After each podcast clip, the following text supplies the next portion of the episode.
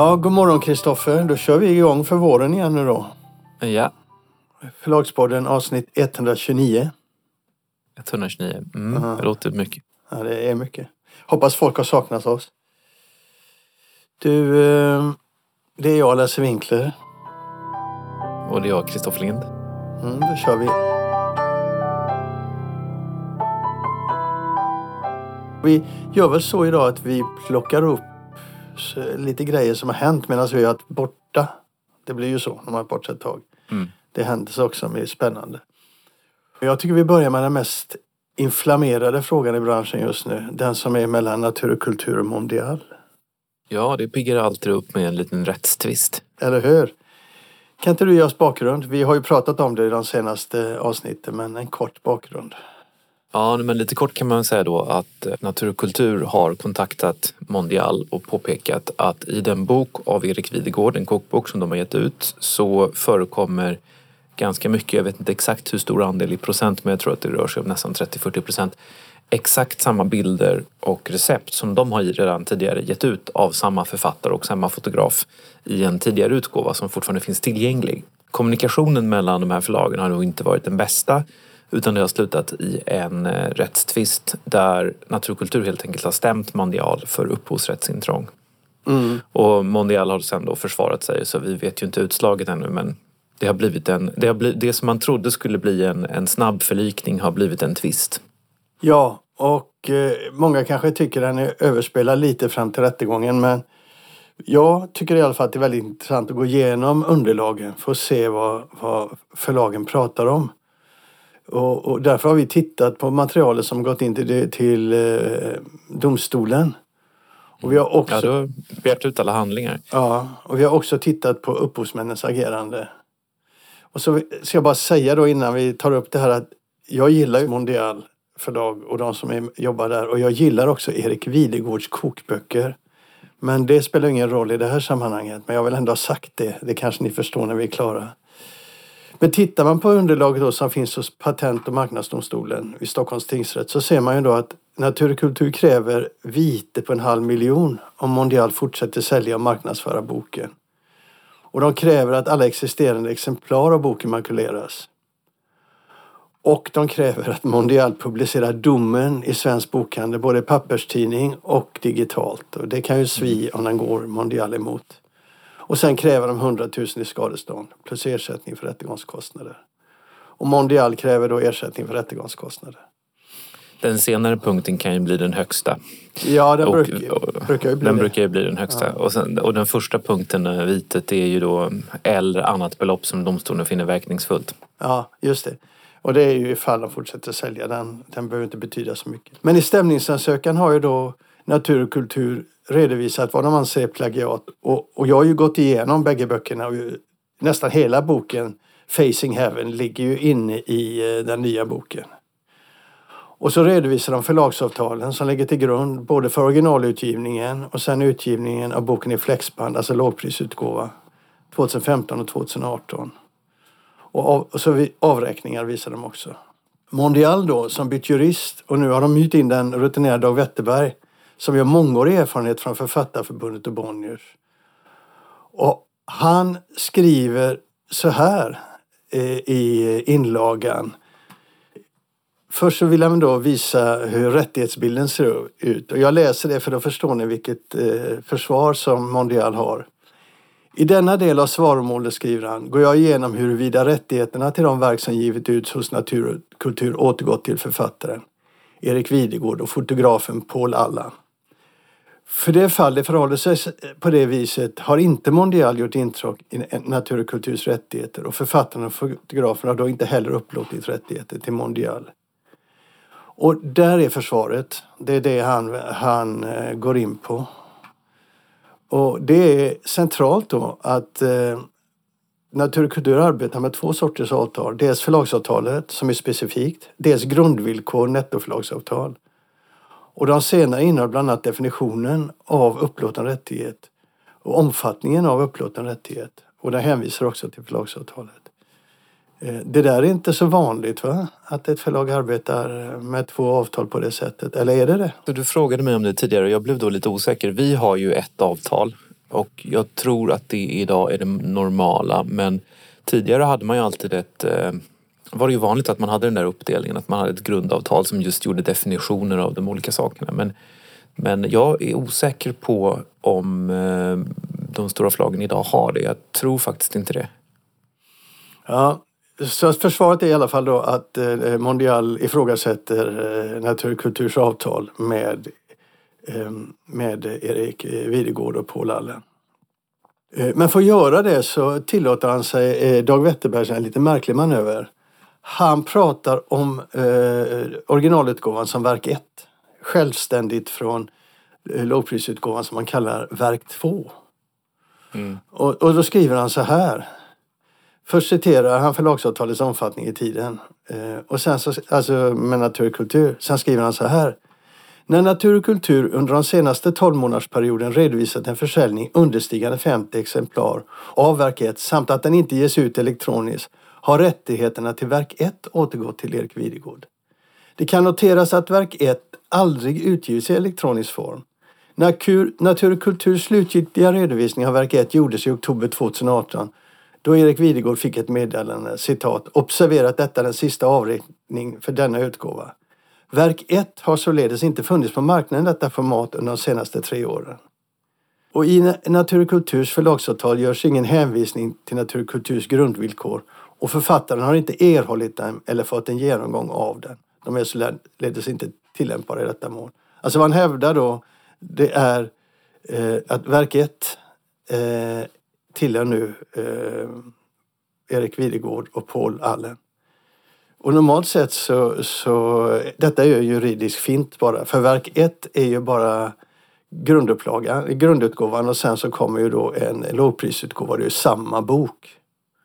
Men han menar ju nu verk 1 tillhör eh, Erik Videgård och då kan han ta de recepten och göra vad han vill. Men han är inte bunden natur och kultur. Mm. Men det blir ju väldigt mycket teknikaliteter eftersom eh, Dels så hävdar han att han, han inte är bunden av avtalet eftersom han inte har sett grundvillkoren vilket är ju något som är svårt att bevisa. Jag tycker ju att det framgår ganska mycket av det här avtalet. Vad, vad, man behöver inte läsa grundvillkoren för att förstå att naturkultur äger rättigheterna. Sen hävdar han ju också att eh, rättigheterna går tillbaks. Men, men det gäller ju bara i så fall huvudutgåvan. Och det är ju samma verk som du säger. Ja, så rättigheterna har inte gått tillbaks innehållsmässigt utan det är formatet. Men det, det är ju mm. bara en eh, semantisk grej som han gör. Vad han gör då också, då fokuserar han på tvåan och där är ju förlagsavtalet inte lika genomarbetat som det aldrig är utan de, normalt sett så hänvisar man ju över till ettan. De ligger ihop så att säga. Alla, alla förstår ju det för det här är ju i god tro man gör detta så att det ska fungera. Va? Då ifrågasätter han detta att man inte har avtalen klara och därför så behöver man inte bry sig om vad natur och kultur säger. Men vad ska man säga om det? Jo, när han säger att författaren inte vet vad grundavtal är, aldrig har sett något och, och att eh, natur och kultur inte skriver om grundavtalet i förlagsavtalet eh, så, så funderar man ju varför går han så djupt in i detta? Varför gör han denna tekniska manöver?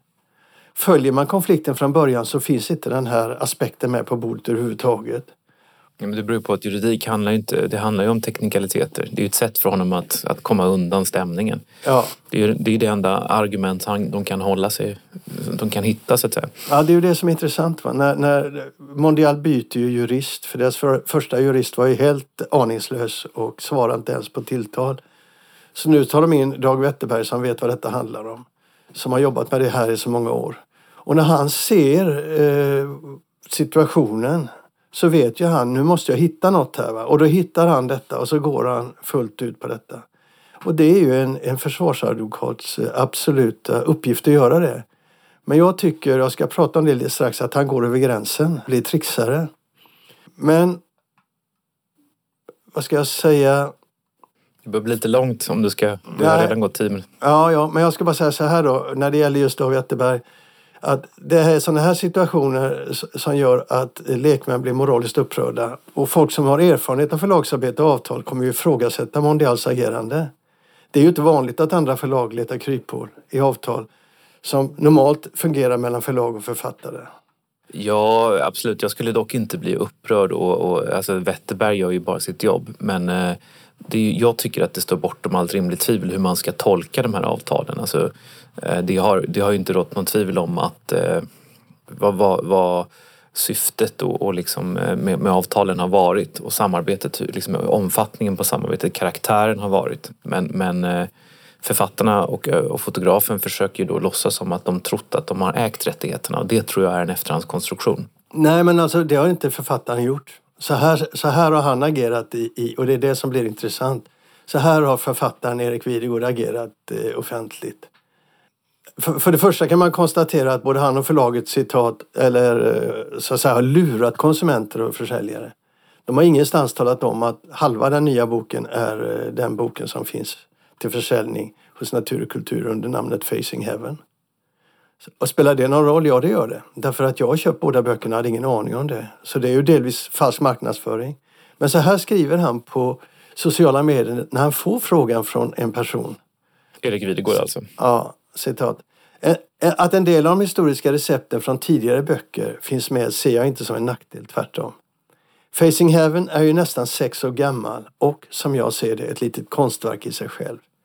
Berättelser och recept, det är den nya boken, innehåller nästan dubbelt så många recept och är dessutom kompletterad med ingående texter om perioder i mitt restaurangliv. Visst får du det bästa ur Facing Heaven, men även så mycket mer. Jag skäms inte en sekund. Gabor Palotis grafiska värld, det är formgivaren. Men Paul Allan, eh, fotografens underbara bilder gör snarare att jag vill äga bägge böckerna. Och det gör jag, så shoot me. Känner inte att jag producerar gammal skåpmat utan snarare fortsätter inspirera. Berättelser och recept är betydligt mer publik och sprider förhoppningsvis nya smaker och upplevelser till en bredare publik och för de som tidigare Facing Heaven ytterligare 50 nya recept och berättelser runt detta. Är det fel? frågetecken. Svar från personen som ställde frågan är Erik, så fint att höra din sida av saken. Som du vet har jag all respekt för dig och tycker att recept och berättelser är en fantastisk bok. Hade kunnat läsa bara dina stories från olika kök utan recept eftersom ditt liv och dina erfarenheter och upplevelser är unika. Har gjort så mycket för Stockholms kroglig och svenska kök. Tror bara att vissa är besvikna på att det inte varit transparent att några av bilden, recepten, bilderna publicerats tidigare. Och så svarar han kort och Videgård. Tack snälla. Det verkar som att boken nått en helt ny publik. Det har ju gått några år. Har personligen fått en kommentar om att några av recepten återpublicerats. Läsaren sa dock att de nya recepten och berättelserna är mer än väl uppvägt detta. Alltså förutom, förutom att det är en massa dravel så är, är de ju inte helt eh, på tå när det gäller fakta där. Några recept när vi pratar om ett 50-tal recept. Mm. Så, men, men, men sen kommer en grej, en kort grej till då. Eh, I Svensk Bokhandel blir han intervjuad och där ifrågasätter Erik Videgård Naturkulturs stämning. Han säger varför? Jag förstår inte varför man vill hoppa på Mondial som förlag. Här framställer han ju sig själv som en skön snubbe som aldrig velat någon något illa. Han tycker att naturkultur vill förstöra hans dröm om ett hans mm. församlade verk. Och han säger ingenting där om att bunda några avtal eller att de har gått ut. Där säger han att de inte spelar någon roll. Citat säger han så här. Jag utgick hela tiden från att mina texter är mina och recept är recept och har ingen copyright. På frågan om han begärde tillbaka rättigheterna från Natur och kultur så svarade han Nej, det gjorde jag inte. Jag har inte den kollen helt enkelt. Mm. Och sett i det ljuset så blir Mondials försvar en efterkonstruktion. Ja. Nej men oavsett vad man, man, man kan tycka, lyssnarna kan ju tycka vad finns relevansen i det här förutom att det är uppiggande med en, en rättstvist som är så ovanligt för lagbranschen så relevansen är ju att om naturkultur mot all förmodan skulle förlora så kommer det få en stor betydelse för hur man skriver förlagsavtal i framtiden. De kommer bli mycket hårdare och mycket tydligare. Eh, så det här har ju en prejudicerande konsekvens för hela bokbranschen och alla borde vara intresserade av det här. Det sa ju också Maria Nilsson i, i, i vår podd att, eh, eh om, om, om det, att hon vill reda, de vill reda ut frågan kring vad som egentligen gäller. Mm. Det, det, det kommer bli jätteintressant och Mondial kommer ju liksom att få bära konsekvenserna av det i branschen. Det kommer inte vara så att det blir de populäraste grabbarna och tjejerna på festerna eller, eller det förlaget man vill arbeta med. när de gör så här. Alltså jag, de, jag, det, man får lite känslan av att de tycker det är uppiggande och häftigt med en rättstvist. Men jag, jag för, för mig är det obegripligt att det här har blivit en konflikt. Ja, jag förstår inte det. Jag tycker det är helt, helt oförståbart att de inte reagerade från början och fixade Vi detta. kanske ska tillägga också, vi har ju båda två liksom en, en uppfattning i den här frågan. Men vi har ju faktiskt bjudit in Mondial till podden flera gånger och de har vägrat att komma. Så är det. Men en sista grej också som jag tycker är lite eh, obehaglig. När, när eh, Dag Wetterberg intervjuas i Svensk Bokhandel så säger han så här, citat. Möjligtvis de, vill de, alltså naturkultur, klämma åt Mondial. Samma säger författaren. Och samma vet jag att det sägs på Mondial att natur och kultur är, är liksom den stora busen som försöker klämma åt det lilla tuffa uppstickare.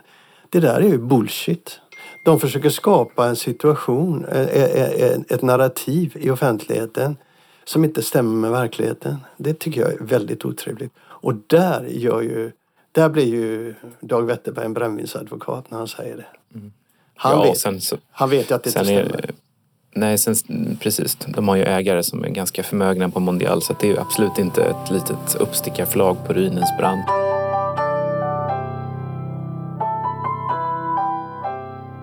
Du, en fråga som vi borde eh, titta på som inte är så märkvärdig men som är lite intressant.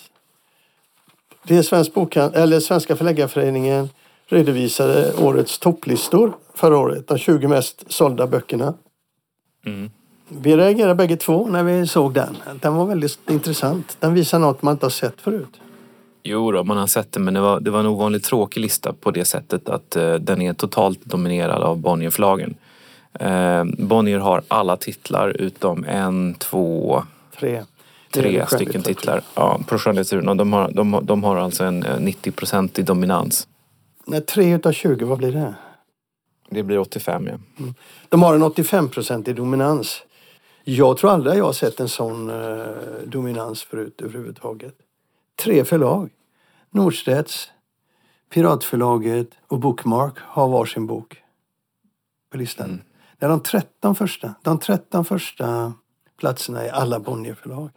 Så hade du räknat omsättning så hade det inte varit 85 procent, då hade det varit 95 procent. Ja, det tror jag. Men vad säger den om branschen?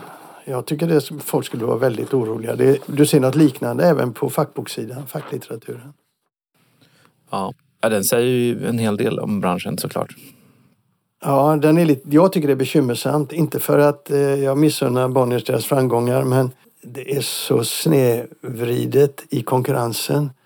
Alltså alla andra förlag. Att Norstedts har en enda titel, det är liksom makalöst dåligt. Får man ju Ja, säga. det är makalöst. Men det är, det är framförallt makalöst att det är en sån koncentration till ett enda förlag. Det är, det är, det är klart att man kan, eh, man kan välvilligt säga, ta av sig hatten och säga att de har haft ett bra år och de har gjort ett bra jobb. Men det är, det är så uppenbart hur de dominerar marknaden och hur de bästsäljande författarna också med en del agenters hjälp går till Bonnierförlagen. Ja, man kan titta man på, så på listan så är ju 11 utav eh, författarna på listan är ju knutna till antingen Bonniers egen agentur eller till eh, eh, Salomonson Agency och alla andra agencies som ju är samägda. Eller Salomonson äger också delar av alla andra agency. 11 författare på listan och tar man då bort eh, eh, de utländska titlarna så är det inte så många kvar. Nej. Så vad man ser då det är ju agenter ihop med Bonnierförlagen som styr marknaden helt enkelt. Jo men så är det ju. Det, det är ju en väldigt känslig fråga. Vi har varit inne på den och författarna blir väldigt arga på oss. Men, men eh, det finns ju liksom en... Eh, eh, det finns ju bara en rörelse och den är mot Bonnier så att säga. De här agenterna är inte intresserade av att placera ut titlarna någon annanstans. Så det finns ju två titlar här som... Två titlar på listan som skulle legat på ett annat förlag om det inte var så att de hade bytt under föregående år. Det där säger något om koncentrationen i branschen. Och det ser ju ut som att eh, konkurrensen är, mm, vad ska man säga, frisk. Nej, ofrisk. Den är ofrisk. Ja, och det där, tror- det där borde man titta lite mer på. Det kanske vi ska försöka göra framöver. Men de topplistorna visar i alla fall en koncentration på marknaden som jag tycker, oavsett vad du säger, är ovanligt hög. Jag har inte sett den så dominant tidigare. Jag visste ju att... Nej, den är, den är ovanligt hög. Det är helt klart. Och ingen har tagit upp detta. Nej. Det är intressant för det där borde journalisterna titta på. Ja, Om de vill titta på hur branschen fungerar så borde de titta Ja. på det. och det här nu, nu talar jag ju som alla vet lite grann med en Storytel-hatt på sig. Men eh, den diskussion som har varit om maktkoncentration den har ju uteslutande varit fokuserad på streamingtjänsterna. Men ingen talar ju om innehåll, ingen talar om topplistor och där är det ju fortfarande så att Storytel, Norstedts NFG, Norstedts förlagsgrupp är en underdog i Sverige. ja, man, antingen kan man tycka att de är en underdog eller så kan man tycka att de gör ett dåligt jobb. Jag tycker Jo, inte men- med den omsättningen de har att de är en underdog. Jo, alltså Bonnier, Bonnier är så dominanta på den svenska marknaden. Det är bara ett faktum. Ja. Så, så, mycket större, så mycket större och, och, och liksom kontrollerar så mycket mer liksom, eh, distributionsmöjligheter och, och, och eh, agenter och så vidare. Så det, det är liksom ot, ett otvivelaktigt faktum. Ja, och, på toppen av det så gör de ett väldigt bra jobb. Och, det tycker inte jag, det. tycker inte jag då att Norstedts gör. Men det kan vi diskutera till döddagar om vi vill. Jag, jag tycker inte de ska eh, ha en sån dålig utdelning på marknaden som de har just nu. Det Ja, det är ju din uppfattning. Men det kan ju också vara vad man, vad man liksom... Det är, Bonnier har ju, uppfattar jag det som, en väldig fokusering på bästsäljare. Det finns ju massa bra böcker som aldrig hamnar på... Det här är ju en, eh, en topplista utifrån hur mycket en bok har sålt. Bonnier har blivit en, en maskin som är inställd på att hitta de här författarna, behålla de här författarna, betala enorma förskott. Det behöver inte vara en affärsidé som delas av alla förlag. Och det behöver inte heller vara en affärsidé som leder till den högsta vinsten. Så att jag tycker inte riktigt du har hela kakan när, när du säger så. Nej, det tycker jag inte du har. Du, ser, du har inte hela bilden så att säga när du säger så. Nej, men jag tänker att tittar du på de böckerna som är, som är mer litterära, som inte säljer så mycket, så har ju Bonniers en stor mängd sådana böcker. Och de, ja, jag de, säger, inte bara... Mm, förlåt. de säger också själva det, att det är de som har gått väldigt bra. Jag syftar inte bara på det. Jag syftade på att de absolut mest säljande författarna är inte alltid liksom... Det är, inte- det, är, det är inte alltid de mest lönsamma heller. Man kan, man, kan, man kan ha väldigt bra böcker som ligger under den här listan. Ja, det, det har väl förlagen. Men, men det säger ändå något om branschen. Ja, ja, det säger mycket om branschen och den, den är helt totalt dominerad av Bonnierförlagen. Ja, släpper det där eller? Ja.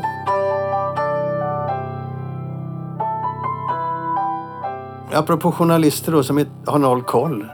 Så vill jag att vi ska prata om en artikel som ju nu är eh, några veckor gammal. Eh, det, det är Kristoffer Ahlströms artikel om ljudböcker och en uppföljningen i, i Dagens Nyheter som kom ut ungefär 14 januari tror jag. Jag har sett den artikeln och jag har ju också sett, det gjordes ju en annan artikel sen där förlagen fick ge sin röst och sen så kom det en artikel tror jag från Förläggarföreningen och sen skrev Åsa Selling och Susanna Romanus en artikel. Alla de där hängde ju ihop. Åsa Selling och, och, eh, och Susanna Romano, de är, de är förläggare och, och eh, jobbar på Bonnierförlaget eh, Selling och Romanus, ska man ska säga då. Men jag skulle vilja ta upp den för att jag, jag tycker den är intressant. Och den handlar om att Kristoffer Ahlström har samlat en massa röster från författare. Och så eh, under rubriken Svenska författare, så slår ljudboksrevolutionen mot böckernas kvalitet. Och Ja, det är ganska, han, han, han slår fast en tes redan i rubriksättningen. Ja, det är inte, kanske inte han som har gjort den rubriken, det vet vi inte. Men den är ju helt absurd. Men vad han gör i alla fall då, det är att han intervjuar svenska författare. Och utgångspunkten är så här, han skriver så här. Det är att prata med 22 svenska författare för att ta reda på om de i och med ljudbokens dominans blivit mer medvetna om sitt sätt att skriva eller försökt ändra på det. Om de fått beskrivet för sig hur de böcker de bör skriva hur de fått beskrivet för sig hur de bör skriva för att fånga läsare i det digitala formatet. Vad de anser om att anpassa sitt skrivsätt efter format. Det vill jag säga är en väldigt ful utgångspunkt. Den är inte schysst mot läsarna. Där finns en väldigt massa antaganden. Den här artikeln går inte ut på att tala om för läsarna hur det ser ut. Utan den här artikeln går ut på att befästa sina egna teorier. Han är i i stort sett uteslutande också vänt sig till författare som är så att säga förlorare. Det finns ju väldigt många vinnare men de har han ju helt lyckats undvika att intervjua. Förlorare i vad då? Förlorare på digitaliseringen. Men jag vet inte, kan man, kan man säga så? Jag menar, eh, tryckta böcker ges fortfarande ut. Nej, du har helt rätt. Man kanske inte kan tala om förlorare men man kan definitivt tala om uppenbara vinnare och de har han ju lyckats undvika. Ja, han är inte ute efter det. Han vill inte, han vill inte berätta om hur det fungerar utan han vill berätta om de som tycker... Han letar efter författare som tycker det är för jävligt att ljudboken har blivit så stor. Men det här är ju lite överspelat för det kom ju sen, eh, jag tror att de fick säkert skit på DN för detta för sen kom ju liksom en, eh, en annan artikel några dagar senare av en annan författare som ju, där förlagen fick ge sin, sin bild. Jo, men jag tycker ändå den här är intressant därför att de slår på stort, tre sidor eh, och, och de har liksom ingen, han har ingen koll. Eller han är ute ett eget ärende. För han kunde fråga att vilka författare som helst. Eh, han kunde välja vilka 20 författare som helst. Han har fått helt olika beskrivningar. Det här handlar inte om att förstå hur verkligheten ser ut eller ens förstå hur ljudboksutvecklingen påverkar resten av branschen. Det är ingen som förbjuder författare att skriva vilka böcker de vill och ge ut vad de vill. Och det är ingen heller som förbjuder folk att köpa böckerna. Det är ett helt annat samtal man bör ha om man är bekymrad för den tryckta boken och för den komplexa berättelsen. Jo. Och, och, och, vad han gör, han ger till exempel Jörgen Gasilewski som är författare och vice ordförande i Författarförbundet eh, ordet. Och han säger att Gasilewski menar att detta är ett demokratiproblem. Citat, underhållningslitteratur kommer alltid att finnas i alla statsskick. Men när förmedlingen av den litteratur som försöker vara något annat stryps för huvuddelen av befolkningen är det en katastrof för demokratin. Godnatt jord, säger jag. Ja, det spelar ut yttrande, demokrati yttrandefrihetskortet ska man vara försiktig med. Jo, men det här handlar ju inte om det. Jag menar, folk lyssnar på ljudböcker och de lyssnar enormt mycket på ljudböcker. Så folket har fel. Så folket ska då, eh, man ska berätta för folket att de ska läsa böcker och ge fan och lyssna på ljudböcker. Jag tycker det är en väldigt osympatiskt sätt som journalist att föra fram sina egna åsikter och låtsas att det är liksom kunskap man liksom lyfter fram och berättar hur det är. Det är ett jädra hopkok av skit som man har samlat ihop. Ja, ja, skönt, det är skönt att höra att du fortfarande kan vara arg efter ett sånt här långt uppehåll. Du är dig lik helt enkelt. Lyssnarna, som, lyssnarna kommer inte bli besvikna. Du är indignerad. Jag är indignerad, men det är för att jag tycker det är journalistiskt haveri när man gör så. Och det intressanta är ju att eh, jag vet att du reagerar när vi pratar om det eh, så pratar vi lite grann om hur, hur så att säga, man, man bör titta på de här frågorna. För det är ju så att marknaden har blivit mycket mer kommersialiserad än tidigare. Mm. Och de som vill liksom komma åt det här ur författarnas synpunkt de är ju inte betjänta av den här typen av Nej, journalistik. verkligen inte. Det, det, som förvånar mig är ju att eh, Författarförbundet inte tar tag i det här på allvar och tittar på vad man kan göra utan de bara gnäller om att ljudboken, eh, och som Gesalevski gör där då, ser det som ett demokratiproblem. Mm. Nej, men eh, för att konkretisera vad jag tidigare då sa till dig så har ju Författarförbundet har ju ett, ett, ett, eh, en väldigt fin möjlighet här att faktiskt tycka någonting, att faktiskt komma med konkreta förslag. Men det gör man inte utan man, man gnäller på streamingtjänsterna och man målar, målar fan på väggen och så. Men det finns ju inga förslag på, det finns, jag skulle säga att det är ett ytterligt tillfälle att faktiskt äska mer pengar till litteraturen. Man skulle kunna, jag säger inte att det här är förslag som jag själv tycker är bra eller att fördelningen bör vara på det här viset, men man skulle kunna man skulle kunna argumentera för ett utvidgat och stärkt litteraturstöd. Man skulle kunna argumentera för en, en utökad och förstärkt författarpenning. Man skulle kunna titta väldigt mycket på biblioteken. Man skulle kunna få mer öronmärkta pengar till författarbesök. Det är ju en jätteviktig inkomstkälla för många litterära författare. Man skulle kunna också kunna arbeta mer med att utöka liksom, inköpsanslag till biblioteken och titta lite grann på vad man gör i skolorna. Alltså det finns så mycket saker som man kan göra för att stärka litteraturen och för att stärka bredden och djupet. Men, men det enda man gör är att man fokuserar på de här starka strukturella krafterna som är ju väldigt svårt att göra någonting åt om man inte med lagstiftning går in och liksom förbjuder dem. Mm. Och där finns ju en annan dimension och det här är ju min pragmatiska inställning som lyssnarna på podden känner väl till. Men jag tror ju inte att man kan motarbeta strukturella krafter som, kom, som styrs av teknikutveckling utan jag tror att, att eh, väldigt mycket av det och, det, och det här är någonting som är helt frånvarande i de här debatterna. Väldigt många av de lyssningar som sker på ljudböcker går ju inte att översätta till en, konsum, till en köpt bok. mycket av det som lyssnas på, jag kan inte sätta en siffra på det, men det är säkert uppgår till minst hälften. Det är ju böcker som ingen någonsin skulle köpa. Så det är ju så att säga bonuskonsumtion. Sen är det givetvis så att har man lyssnat på en bok så köper man det inte och på bästsäljarna har det skett en ganska stor kanalförskjutning. Men i sin helhet så är det ju så att man lyssnar ju på väldigt mycket som man inte skulle ha köpt eller läst. Mm. Det är verkligen två perspektiv som bryts mot varandra men man verkar inte ha ställt sig den frågan. Nej, det finns många aspekter av detta som, som man inte ställer och, och framförallt så gör ju inte journalisten eh, på DN det, Kristoffer Ahlström. Jag tror inte ens han fattar de här frågorna, tycker de är viktiga. I den här artikeln blandar man ihop eh, högt och lågt. Till exempel så säger en författare att han var närvarande när, eller när Norstedts höll en, eh, en dag, utbildningsdag, vad man vill, där de berättar för författare hur det fungerar att skriva för ljud. Och det kan man ju se som en tjänst som Norstedts gör till sina författare och den som vill kan använda den, som inte vill behöver inte använda den. Den är ju ingen anklagelse till mer litterära författare men i, i texten blir det en fråga om en anklagelse mot att ungefär att Norstedts är dumma i huvudet som, som, inte, som, som låter sina litterära författare förolämpas på det sättet. Jag tycker det är en, skit, jag tycker det är en skitartikel rakt av alltså. Ja, ja. Ja, men sådana finns det gott om. Ska vi lägga, lämna detta? Ja, vi lämnar detta. Nu är jag eh, balanserad igen då kan jag meddela lyssnarna.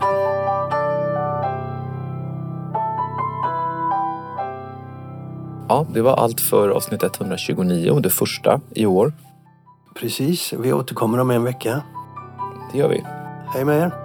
Hej då.